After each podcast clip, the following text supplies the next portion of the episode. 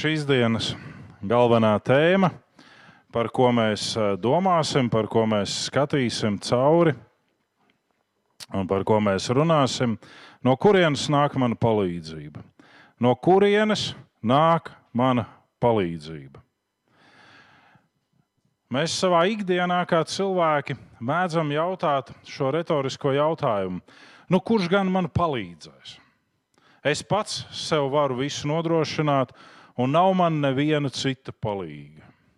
Es nevēlos būt atkarīgs un gaidīt. Tāpēc neticu, ka man kā kāds cits var palīdzēt no kaut kādas ārpuses, vai nu es pats sev palīdzu, vai nē.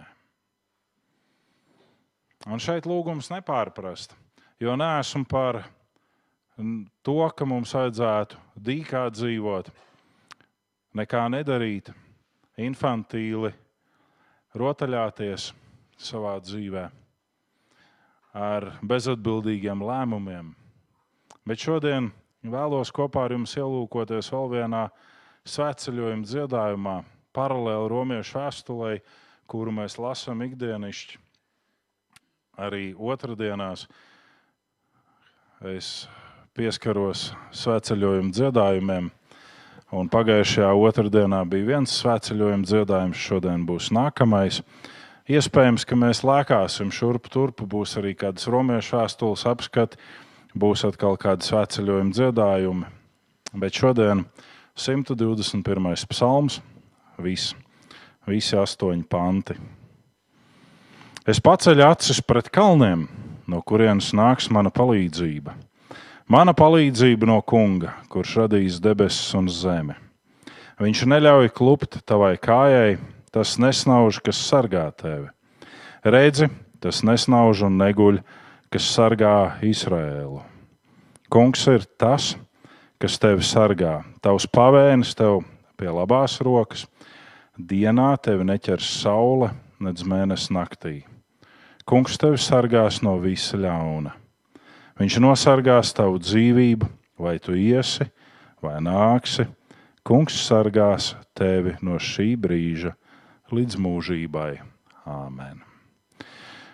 Un pirmais, ko mēs šajā psalmā redzam, ir šīs sagatavošanās. Šī sagatavošanās, lai dotos svētceļojumā. Šis ceļojums ir pilnīgi atšķirīgs no visiem citiem ceļojumiem, jo šis ir ar mērķi sastapt visumu valdnieku un radītāju. Lai pilnveidotu savu raksturu un savu ikdienu, veidot viņam tīkām. Līdz ar to nav iespējams, ka visi ceļojumi ir vienādi, ieskaitot šo. Reizēm es esmu dzirdējis un sastapies ar šo informāciju. Cilvēks dodas ceļojumā kaut kur uz kaut kurieni, un viņš saka, tas ir mans svētceļojums. Svētceļojums vienmēr ir ar šo mērķi, ka tas ir atdalīts no visiem citiem ceļojumiem, un tas ir ar mērķi tuvoties Dievam, iespējams, vairāk laika pavadīt lūgšanā Jā, savā brīdī, tad, kad mēs bijām uz Vientuļas salas Zviedrijā, tas bija kā tāds svētceļojums priekš visas mūsu komandas, kas mēs tur bijām.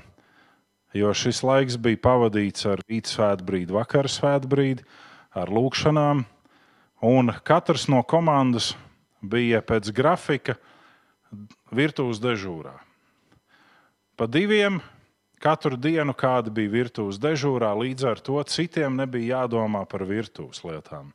Un šajā dienā šie divi veica šo kalpošanu, bet pārējā komanda varēja baudīt Dievu klātbūtni. Un tad, kad es saku baudīt, tad nevienmēr tā baudīšana ir ar tādu čīliņu, kā mēs esam pieraduši, ar tādu prieku.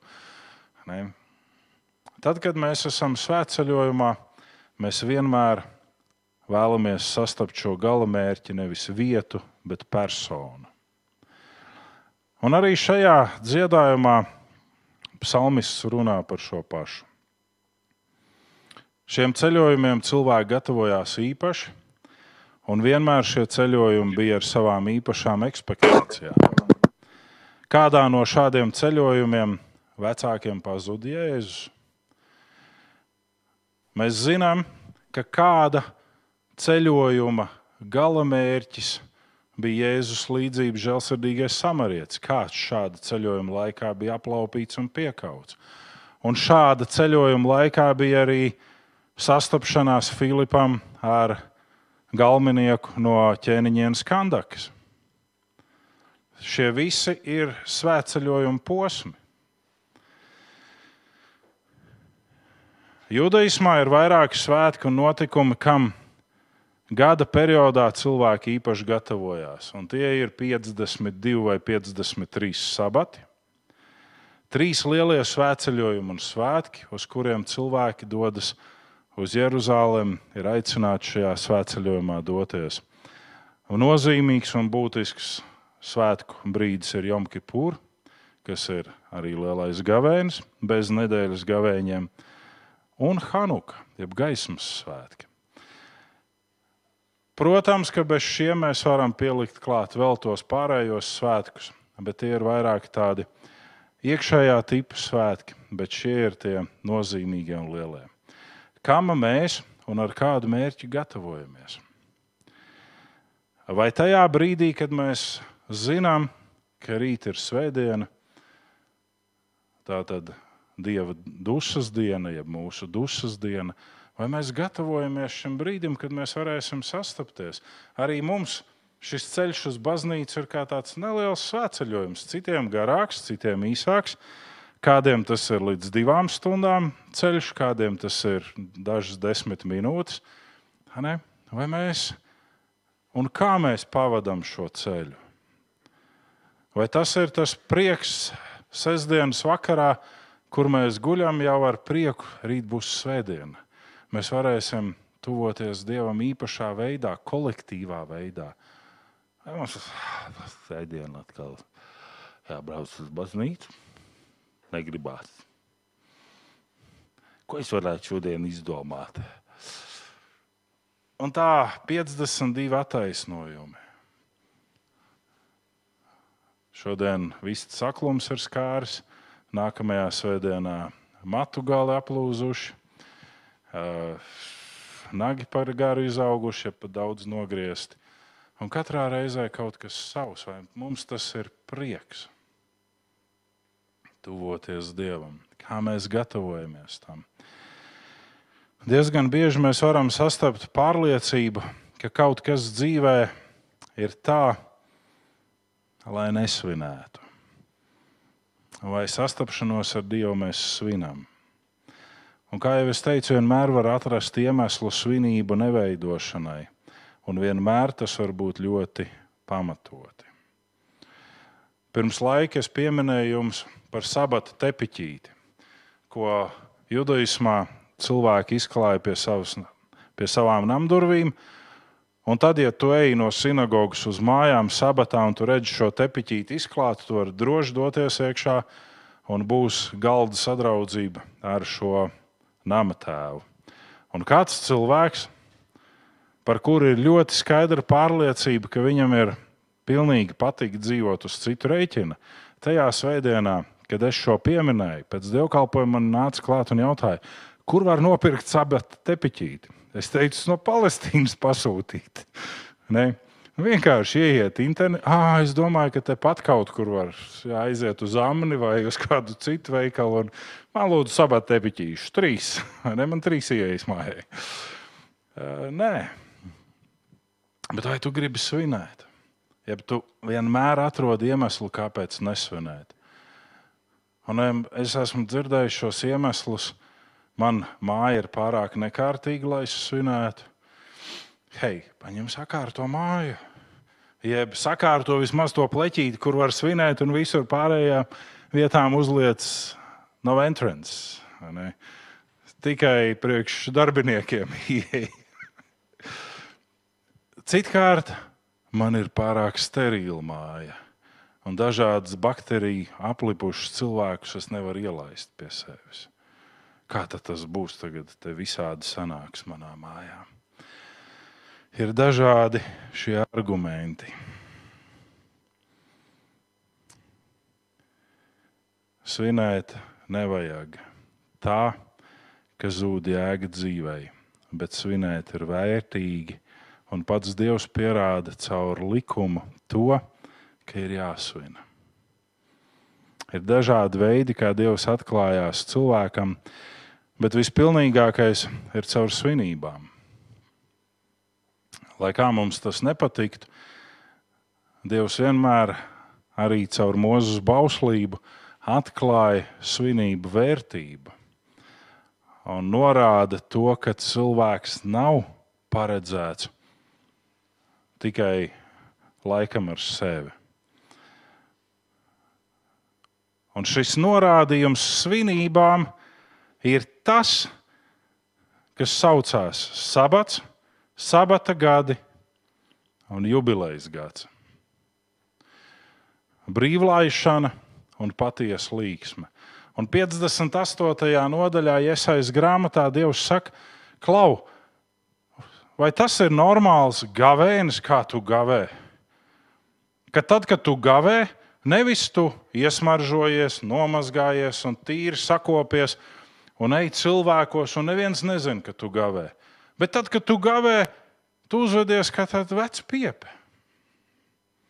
Tu palaidi rokas, jo tev kuģis žņaudzās kopā, kā tev gribās ēst, un līdz ar to tu esi nesavaldīgāks. Un tas ir par gavēni.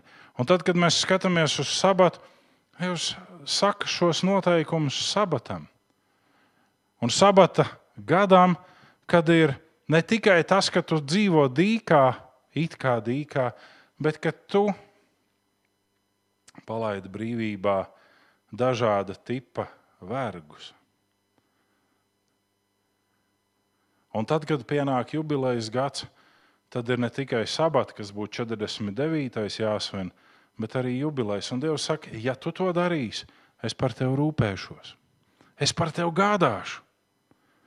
Un tās ir svinības. Nu, ko var gadu darīt, nestrādājot?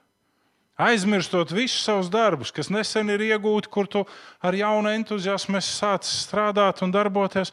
Dievs saka, nē, viss tagad tu noliec visu malā Septītajā gadā tu pārtiks no tā, kas sestajā būs nobirs un iedēsties un audzis.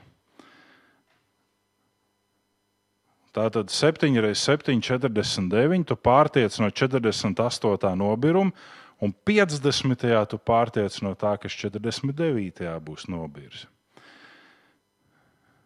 Un tas ir svinības gada garumā. Svinības tam cilvēkam, kurš tiek palaists brīvībā. Svinības tam cilvēkam, kurš palaiž brīvībā šo savu sulainu, vergu kalpu.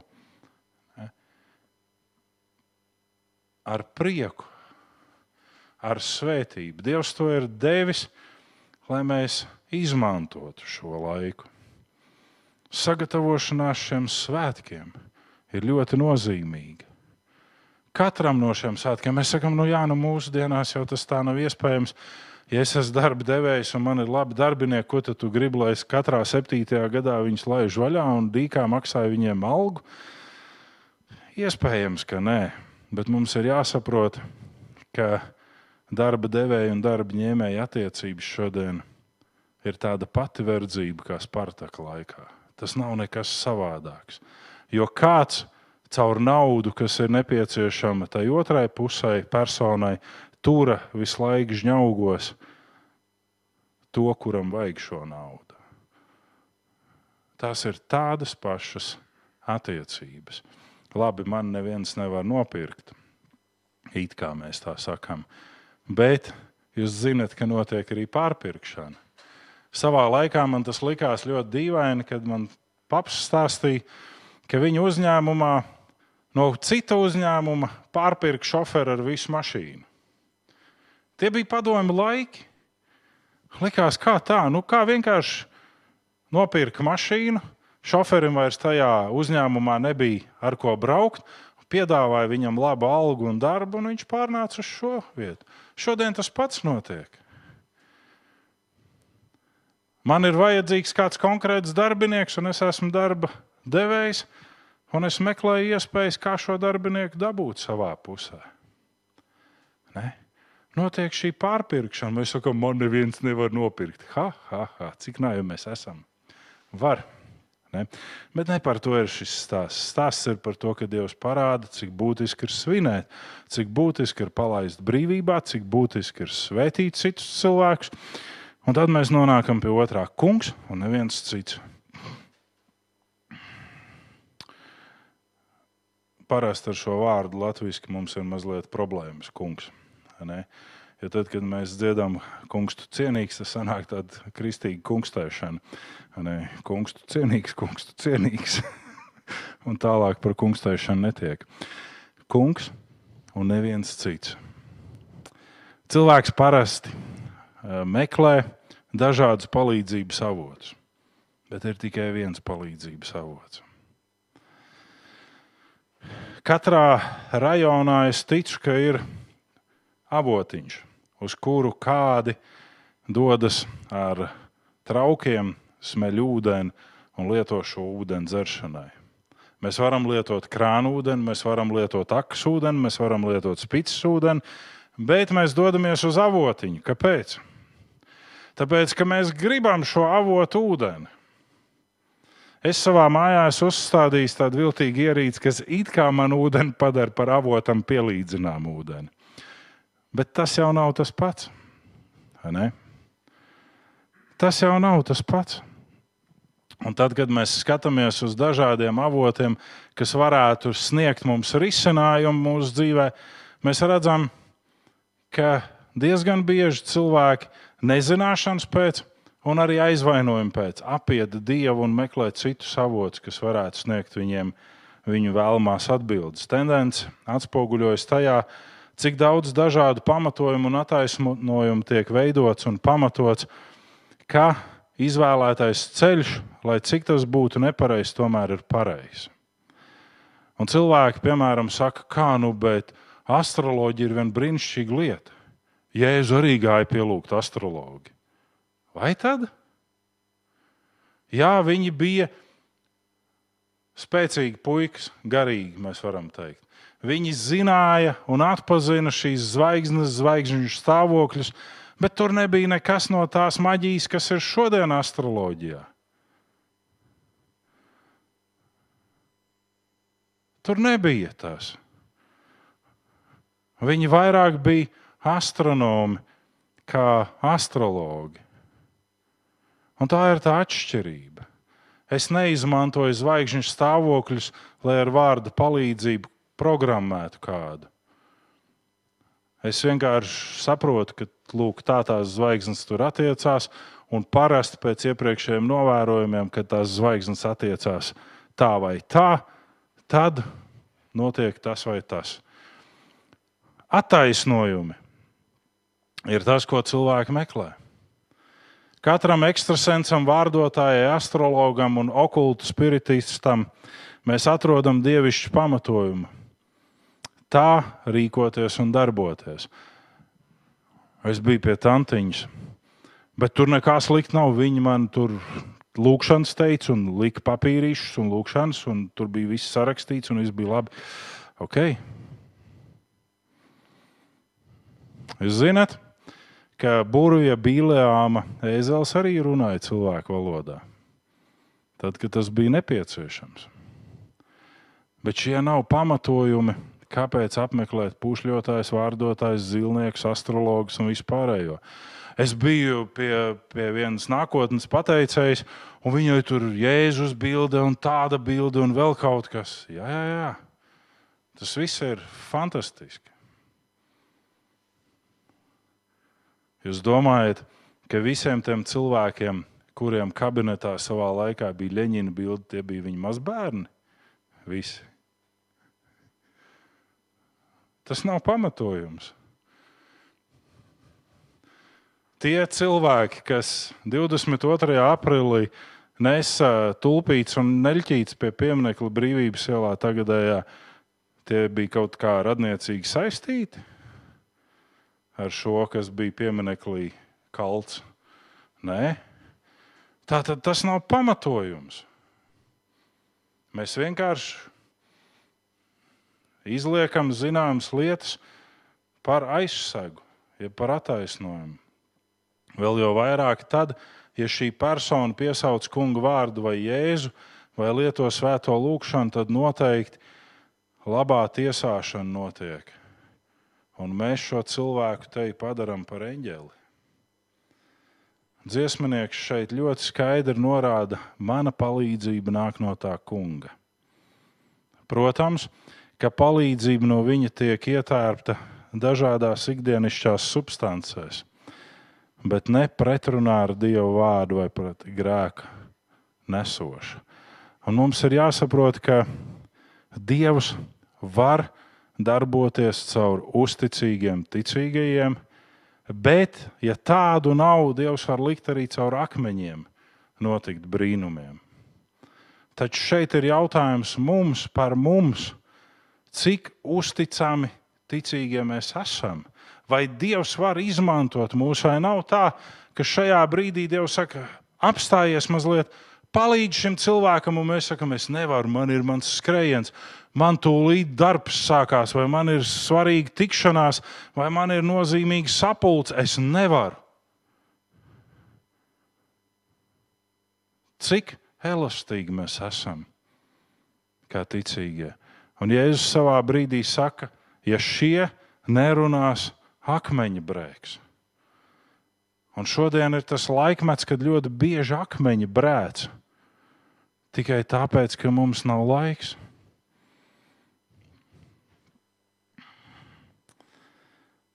Līdz ar to nekad šī palīdzība, kas nāk no citām substancēm, nebūs grēku nesoša vai pretrunā ar Dievu vārdu.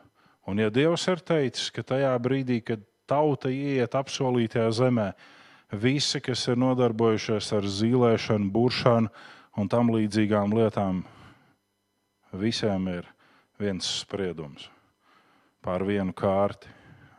Tad šeit nevar būt tā, ka Dievs saka, nē, 21. gadsimtā es te tā padomāju, mainām konceptu. Nē. Pravietis Iesai 42. nodaļa, 8. pāns. Es esmu kungs Tas ir mans vārds.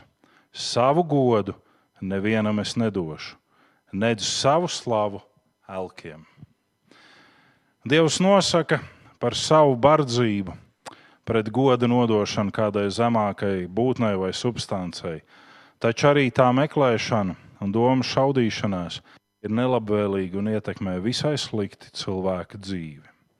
Tajā brīdī, kad cilvēks sāk svārstīties savā domās, jā, bet Dievs man nepalīdz, varbūt kāds cits man var palīdzēt. Jeb kad ir šie brīži, kuros cilvēks saka, nā, Gīns man nepalīdz, Jānis man nepalīdz, otrs Jānis man nepalīdz, trešais, ceturtais, kur visi četri šodien ir šeit. Ja, varētu vēl mēs nomainīt pārējie vārdu uz Jānis, un tad būtu labi. Ne? Man nepalīdz, un, un, un, un, un reku ir laimdot, viņi man palīdzēs vai tad? Nē. Mēs šaudamies. Mēs nemākam pieņemt atbildi nē. Kaut kādos brīžos. Nē. Un līdz ar to mums vajadzētu sakārtot savas domas, lai tās nebūtu tik šaudīgas. Un mēs lasām kopīgi pravieti Jeremiju otro nodaļu, 13. pantu, kur ir teikts, divus ļaunumus darīja mana tauta. Tā pameta mani dzīvu ūdens avotu un izcirta sev akas, cauras akas, kur neturas ūdens. Ne? Divas grēka lietas, divus ļaunumus darīja mana tauta. Šī aku ciršana un veidošana sākās cilvēka prātā no kurienes tā veidojas tālāk arī fiziski. Līdz ar to šeit atkal varam runāt tieši par jaunu neironu ceļu veidošanu savā apziņā un savā lietu uztverē, jeb domāšanā. Mums ir dota šī žēlastība veidot jaunu domāšanu, kamēr mēs esam vēl dzīvi. Šo domāšanas veidu tēlēni varētu saukt par peldēšanu pret straumi bet sistemātiski tas būtu sevi radināt pie dieva likuma, uztveres un pildīšanas. Man ir jāradina sevi pie tā, ka tā paviršība, kāda man ir bijusi līdz šim, tā vairs neder. Man ir jāradina sevi pie dieva likuma. Un pat ja tā paviršība būtu ļoti prieku nesoša šobrīd, man ir jāradina sevi pie dieva likuma pildīšanas. Tāda raksturvieta nav šeit, bet es atceros Agūra lūkšanu 30. sakām vārdu nodaļā, kur viņš saka divas lietas, es lūdzu no tevis. Nabadzība un bagātība nepiešķir man, elku kalpība un mela ir tālu prom no manis. Ja es būšu pārāk paēdis, es teikšu, kur tad ir Dievs. Un ja es būšu pārāk izsalcis, es sākšu zakt un apgrēkošos pret savu Dievu vārdu. Tā tad tu saproti, ka tu varētu rīkoties tā, kā ir nepareizi, bet ir jārīkojas pareizi. Lai cik tas būtu nepatīkami. Un tā mēs veidojam šos jaunos neironu ceļus. Jēzus saka par to par attieksmi. Viņš saka, ja tava attieksme tev apgrēcina, jeb konkrētāk viņš saka, ja tava acs tev apgrēcina, acs ir attieksme, izrauj to. Un ko tu te tā tukšu vietu staigāšu? Ne jau runa ir par fizisku acu izraušanu, runa ir par attieksmes mainīšanu, par uzvedības mainīšanu, par rīcības maiņu. Ja tava roka, tava rīcība tev apgrēcina, nocērt to. Tie ir jaunie neironu ceļi. Divus ļaunumus. Mana tauta atteicās no manis dzīvā ūdens avota un izcirta sev cauri sakas. Mēs ejam tālāk. Un nākamais, ko mēs redzam šajā svētceļojuma dziedājumā, ir viens vienmēr ir nomodā. Šis dziedājums sniedz īpašu norādi par nepieciešamo palīdzību nepieciešamajā mirklī. Cilvēka tendence ir nepacietība, bet šis dziedājums atklāja pacietības un izpratnes lielo nozīmi. Gan personai, kura augst palīdzību, gan personām, kas ir līdzgaitnieki un apkārt esošie. Izpratne apkārt esošajiem parastā tendence ir labi, ka tas nenotiek ar mani. Paurķēsimies tavā dzīvē un pazibināsim visai interesantas frāzes, kā piemēram, Jā, tev ir grūti, es tevi saprotu, pacieties. Taču mums ikvienam ir īpašs stiprinājuma teksts, par mūsu palīdzības avotu un iemeslu. Un tas ir vēstule ebrejiem 4, 14, 16. Mums ir varens augstais priesteris, kas nācis caur debesīm, Jēzus, Dieva dēls. Turēsimies pie ticības apliecinājuma. Mums augstais priesteris nav tāds, kas nevar just līdz mūsu nespēkam. Viņš tāpat kā mēs ir visādi kārdināts, bet viņš ir bez grēka. Tad no ar drošu prātu tuvosimies žēlastības tronim, lai tiktu apžēlot un saņemt žēlastību, kas nāk kā palīdzība īstā brīdī. Palīdzība lūdzēju sasniedz īstajā laikā un īstajā veidā. Un mēs varam teikt, Dievs, vai tu neesi pārāk gauss, ka tu neatbildi uzreiz, kad mēs tev lūdzam? Dievs, vai tu pārāk nevilcinies, man vajag tagad? Viņš saka, nē, palīdzība nāk īstajā brīdī.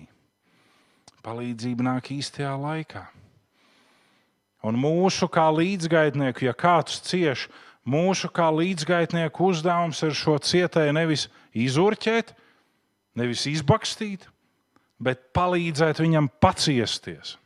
Nevis vienkārši pateikt, tāpēc, ka es neesmu iesaistīts, nu, lai Dievs tev dod pacietību. Es eju tālāk bet palīdzēt viņam paciesties, palīdzēt viņam izprast šo pacietības nozīmi. To vienmēr paturēsim prātā, jo tā ir liela žēlastība apzināties, ka neviena lūkšana neaiziet nebūtībā, arī nepareizās lūkšanas, jo Kungs Dievs tās lieto kā mūsu pieaugšanas materiālu. Mēs sakām parasti, tas ir Dieva sots. Bet ziniet, kāpēc ir Dieva sots? Lai cilvēks nāktu pie patiesības atziņas, Kamēr mēs dzīvojam, Dievs nesoda tikai tāpēc, ka man nepatīk, kā tu ģērbies. Šeit tev staigā pliku dibēnu. Ko? Vakar tā bija. Es staigāju pliku dibēnu. Okay. Dievs nesoda tā. Dievs soda, lai mēs nāktu pie patiesības atziņas. Tas ir tieši tā kā tēvs pārmāca dēlu vai meitu, lai viņi sāktu domāt savādāk. Visgrūtākais, man liekas, uzdevums šajā pārmācības jomā ir ezīšu vecākiem. Jo vienmēr, kad ar roku per, tad adats paliek rokā. Ne? Bērnam nekas, vecākam sāp. Bet šis parāda arī mūsu ikvienu kā tēvu un māti, jo mums sāp, kad mums mūsu bērni ir jāpārmāca. Dievam sāp, ja viņam viņa bērni ir jāpārmāca. Bet mēs paņemam romiešu vēstules otro nodaļu, mēs paskatīsimies. Pirmās nodaļas beigas, otrās sākuma mēs sakām, redzi, tāpēc tu esi tāds, un tāpēc tev nav žēlastība. Tāpēc, nē, Dieva pārmācība, kamēr mēs elpojam, ir, lai mēs nāktu pie patiesības atziņas. Tad, kad mēs pārstājam elpot, nu, tad ir viss. Ne? Bet kamēr mēs elpojam, Dievs darbojās pie mums kā podnieks pie māla. Un kā Jeremija teica, kā podnieks darbojās, viņš ņem, veido no māla kaut ko nesanāca. Viņš ņem un pārmīts vēlreiz šo mālu un taisa kaut ko citu. Viņš veido mūsu. Un vai nu mēs atļaujamies šim veidojumam, vai nē? Un līdz ar to mums, kā līdzgaitniekiem, ir liels uzdevums palīdzēt šim cilvēkam paciest šo periodu un saprast, kas ir tas, ko Dievs dara šī cilvēka labā. Kā šis cilvēks virzās uz pilnību. Okay. 1. korintiešu 13. nodaļa, 10. un 12. panti. Bet kad atnāks pilnība, tad beigsies, kas ir tikai daļējs. Kad biju mazs bērns, es runāju kā bērns, domāju kā bērns un spriedu kā bērns. Kad kļuvu vīrs, es atmetu bērnu dabu. Mēs tagad redzam neskaidri, kā raudzīdamies atspulgā, bet tad vajag vaigā. Tagad es atzīšu daļēji, bet tad atzīšu pilnīgi, kā es pats esmu atzīts. Un tas ir tas brīdis, par kuru Pāvils saka, atmetam to bērnu dabu. Ja mēs topam pieauguši, atmetam bērnu dabu. Bērnu daba ir redzēt visu mazliet caur vecāku prizmu. Bet mēs neskatāmies caur dieva prizmu. Mēs skatāmies caur to it kā ticībā pieaugušo cilvēku prizmu, kas ir mums apkārt, un mēs spriežam, kā viņi spriež. Bet nevienmēr viņu spriedums ir pilnīgs. Un līdz ar to Pāvils saka, Es biju bērns un es spriedu kā bērns. Topam pieauguši dievā, attīstam vairāk to dievišķo raksturu sevi. Un šajā dienā mēs runājam, no kurienes tad nāks man palīdzība? No kunga. No kunga nāk mana palīdzība. No dieva nāk mana palīdzība. Ne tādēļ, ka cilvēki nevarētu man palīdzēt, bet Dievs izmanto cilvēkus, lai palīdzētu man. Bet visa palīdzība nāk no Dieva, kas radījis debesis un zemi. Cik liela palīdzība? Nu, tā, ka Viņš neļauj manai kājai slīdēt. Kas mani sargā, tas nesnauž. Mēs to lasījām un apguvām, un ejam tagad uz pēdējo. Ja jau mēs topam pieauguši vīri un sievas un atmetam bērnu dabu, tad mēs apstājamies sargs uz mūžiem. Katra meitene, kas sapņo par princi baltā zirgā, ilgojās nekad nezaudēt šo princi. Un nekad nezaudēt balto zirgu. Es nedomāju par to, kas toaletē, bet vienkārši par to, ar kur princis atjāja. Nē. Kas ir šim princim? Zirgs nedzīvo daudz gadus, un arī princis noveco.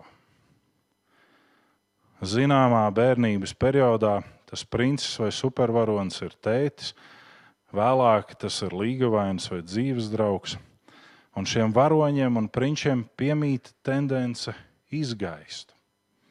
Un es nedomāju tikai par meitenēm, es domāju arī par zēniem. Zēniem nevajag princesi baltā zirgā, bet zēniem tētis ir kā supervaronis. Un tas ļoti sāp ikvienai no iesaistītajām pusēm. Varonis un princis nekad nebija domājis, ka pārstās tāds būt, un savukārt persona, kurai bija izveidojusies šī pieķeršanās, nevēlējās to zaudēt. Notiekot šim zaudējumam, veidojās nepareizi priekšstati par autoritāti. Tas ir viens no biežākajiem argumentiem un iemesliem, kāpēc cilvēki nespēja pilnībā ticēt dievam. Ir darbs ar uzticēšanos, pat metafizisku pieķeršanos un jaunu neironu ceļu veidošanu, lai saprastu, ka kungs ir sargs uz mūžiem, un viņš tevi veidoja pirms tavas dzimšanas. Viņš ir ar tevi šajā dzīvē, solī, un viņš tevi vedīs tēlāini izsakoties pāri laika upei uz mūžību. Ja daudzās reliģijās mēs nevaram atrast kopīgo, jeb ir kaut kādi daļēji kopīgie, tad šis praktiski visās reliģijās ir kopīgs laika upe, kas šķir šo laiku no mūžības. Un tas, par ko tēlaini izsakās, cilvēki ir par šo pēdējo cīņu tikt pāri šai upei. Judaismā tā bija garīgā jardāna, kas nes gan dzīvību, gan palu laikā apludina tuvumā esošos dārzus, un līdz ar to ir auglība. Bet Jardāna savā spēka plūdumā var arī nogalināt. Laika upē ir viena īpaša iezīme. Nav ceļa atpakaļ, ir vienvirziena ceļš.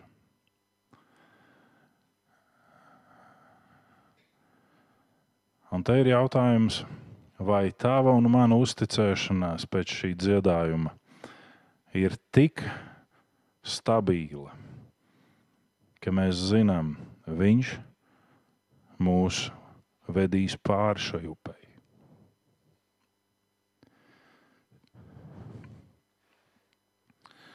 Es zinu, ka virknei no jums klausītāji nevisai iet pie sirds, kas par Dimitru dziedājumu, bet viņam ir dziesma, laiks ir dzelme, pilna ar viltu, lietas kungs krustu, tai pāri kā tiltu.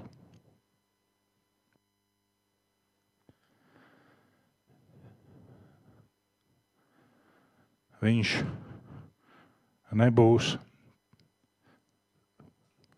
tikai pārcēlājs, kuram ir viena alga, ko pārcelt, ka tikai plosts pilns. Vai viņš ir sargs uz mūžiem tev? Un pravietis Miha 4, 6, 7 saka, tajā dienā saka kungs, es savākšu vienkopu visus paklupušos un visus aizdzītos. Savā bībelēs es lūdzu pasvītrojiet šos divus vārdus - paklupušos un aizdzītos. Es sapulcēšu tos, kam esmu darījis ļaunu. Paklupušie kļūs mans atlikums, un aizvestie par varenu tautu. Kungs valdīs pār viņiem no Cijānas kalna, no šī laika mūžīgi. Kas ir aizvestie? Izraels, kas ir paklupušie, mēs, kas esam atsitušies pret Izraelu kā piedaudzības akmeni. Jo mums daudz kas tur nav saprotams, bet mēs tā kā gribētu piederēt pie jaunā Izraela. Un Dievs saka, mēs visi esam viņam dārgi, Viņš rūpēsies par mums. Tev ir doti dieva aicinātie kalpi, kuri tev vada līdz laika upei. Un Dievs tevi vedīs pāri šai upei. Viņš ir tavs sargs uz mūžiem. Kungs, tavs Dievs, ies tev pa priekšu, tai pāri. 5. mūža grāmata, 31. nodaļa un 3. pāns.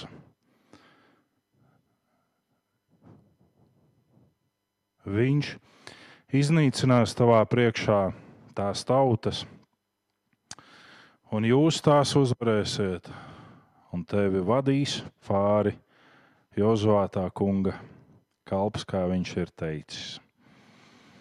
Tā tad ir kalpi, kas tevi vada. Dievs iznīcina visus tos, kuri mēģina tevi nogalēt šajā laika upē. Es runāju metaforās. Bet Dievs var būt tas, kurš tevi ved pāri, vai arī nē. Tad, kad mēs esam gados jauni un sprigani, mēs par šīm lietām nedomājam, un mums ir dziļi viena alga. Kas tur ir, kā tur ir, galvenais mēs skrienam un darām to, ko mēs gribam. Un šodien ar atpakaļejošu skatienu ļaudis skatās uz Edvīna Zariņa pēdējiem dzīves mirkļiem un saka, jā, viņš laikam zināja, ka viņš dodas prom. Viņš visu kārtoja un darīja tā, ka viņš vairs nav piesaistīts šeit un tagad. Domājam par to, cik uzticības mums ir tam, kas ir aiz kalniem.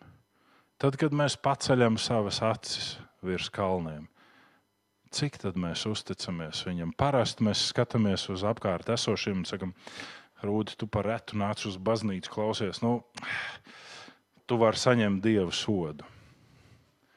Bet es paskatos uz sevi. Es varbūt nāku piecreiz biežāk kā rūdis, bet vai es uzticos tam, kas ir aiz kalniem?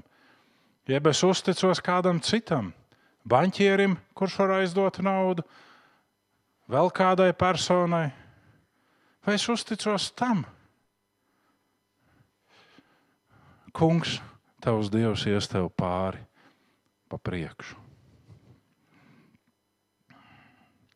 Lai Dieva svētība ikdienišķi ir ar mums, ka paļaujamies uz Viņa vārdu un varenību un apsolījumiem mūsu labā, bet lai nekad nebeidzam caur savu ticību un uzticību izpaust to, ka Viņš ir mūsu viens un viss, kas ved mūs pāri laikam. Lai Dievs svētī, dziedāsim. esi mierdzības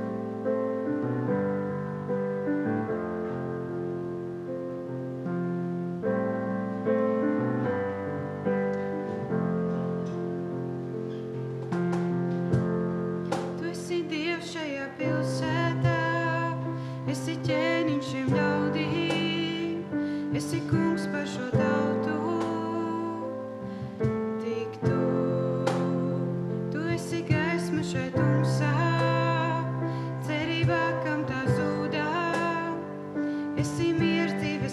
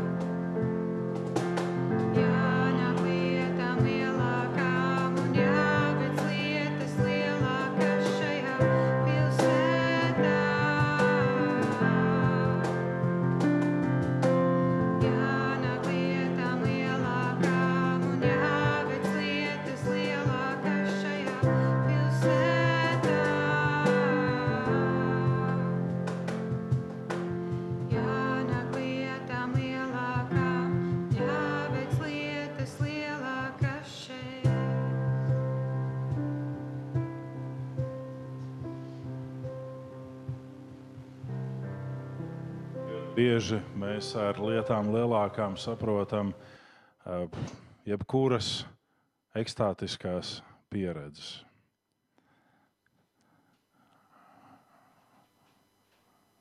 Bet es gribētu teikt, ka viena ļoti nozīmīga pieredze ir tas brīdis, kad tu saproti, ka tev ir uz ko paļauties, ka tev ir kam ticēt.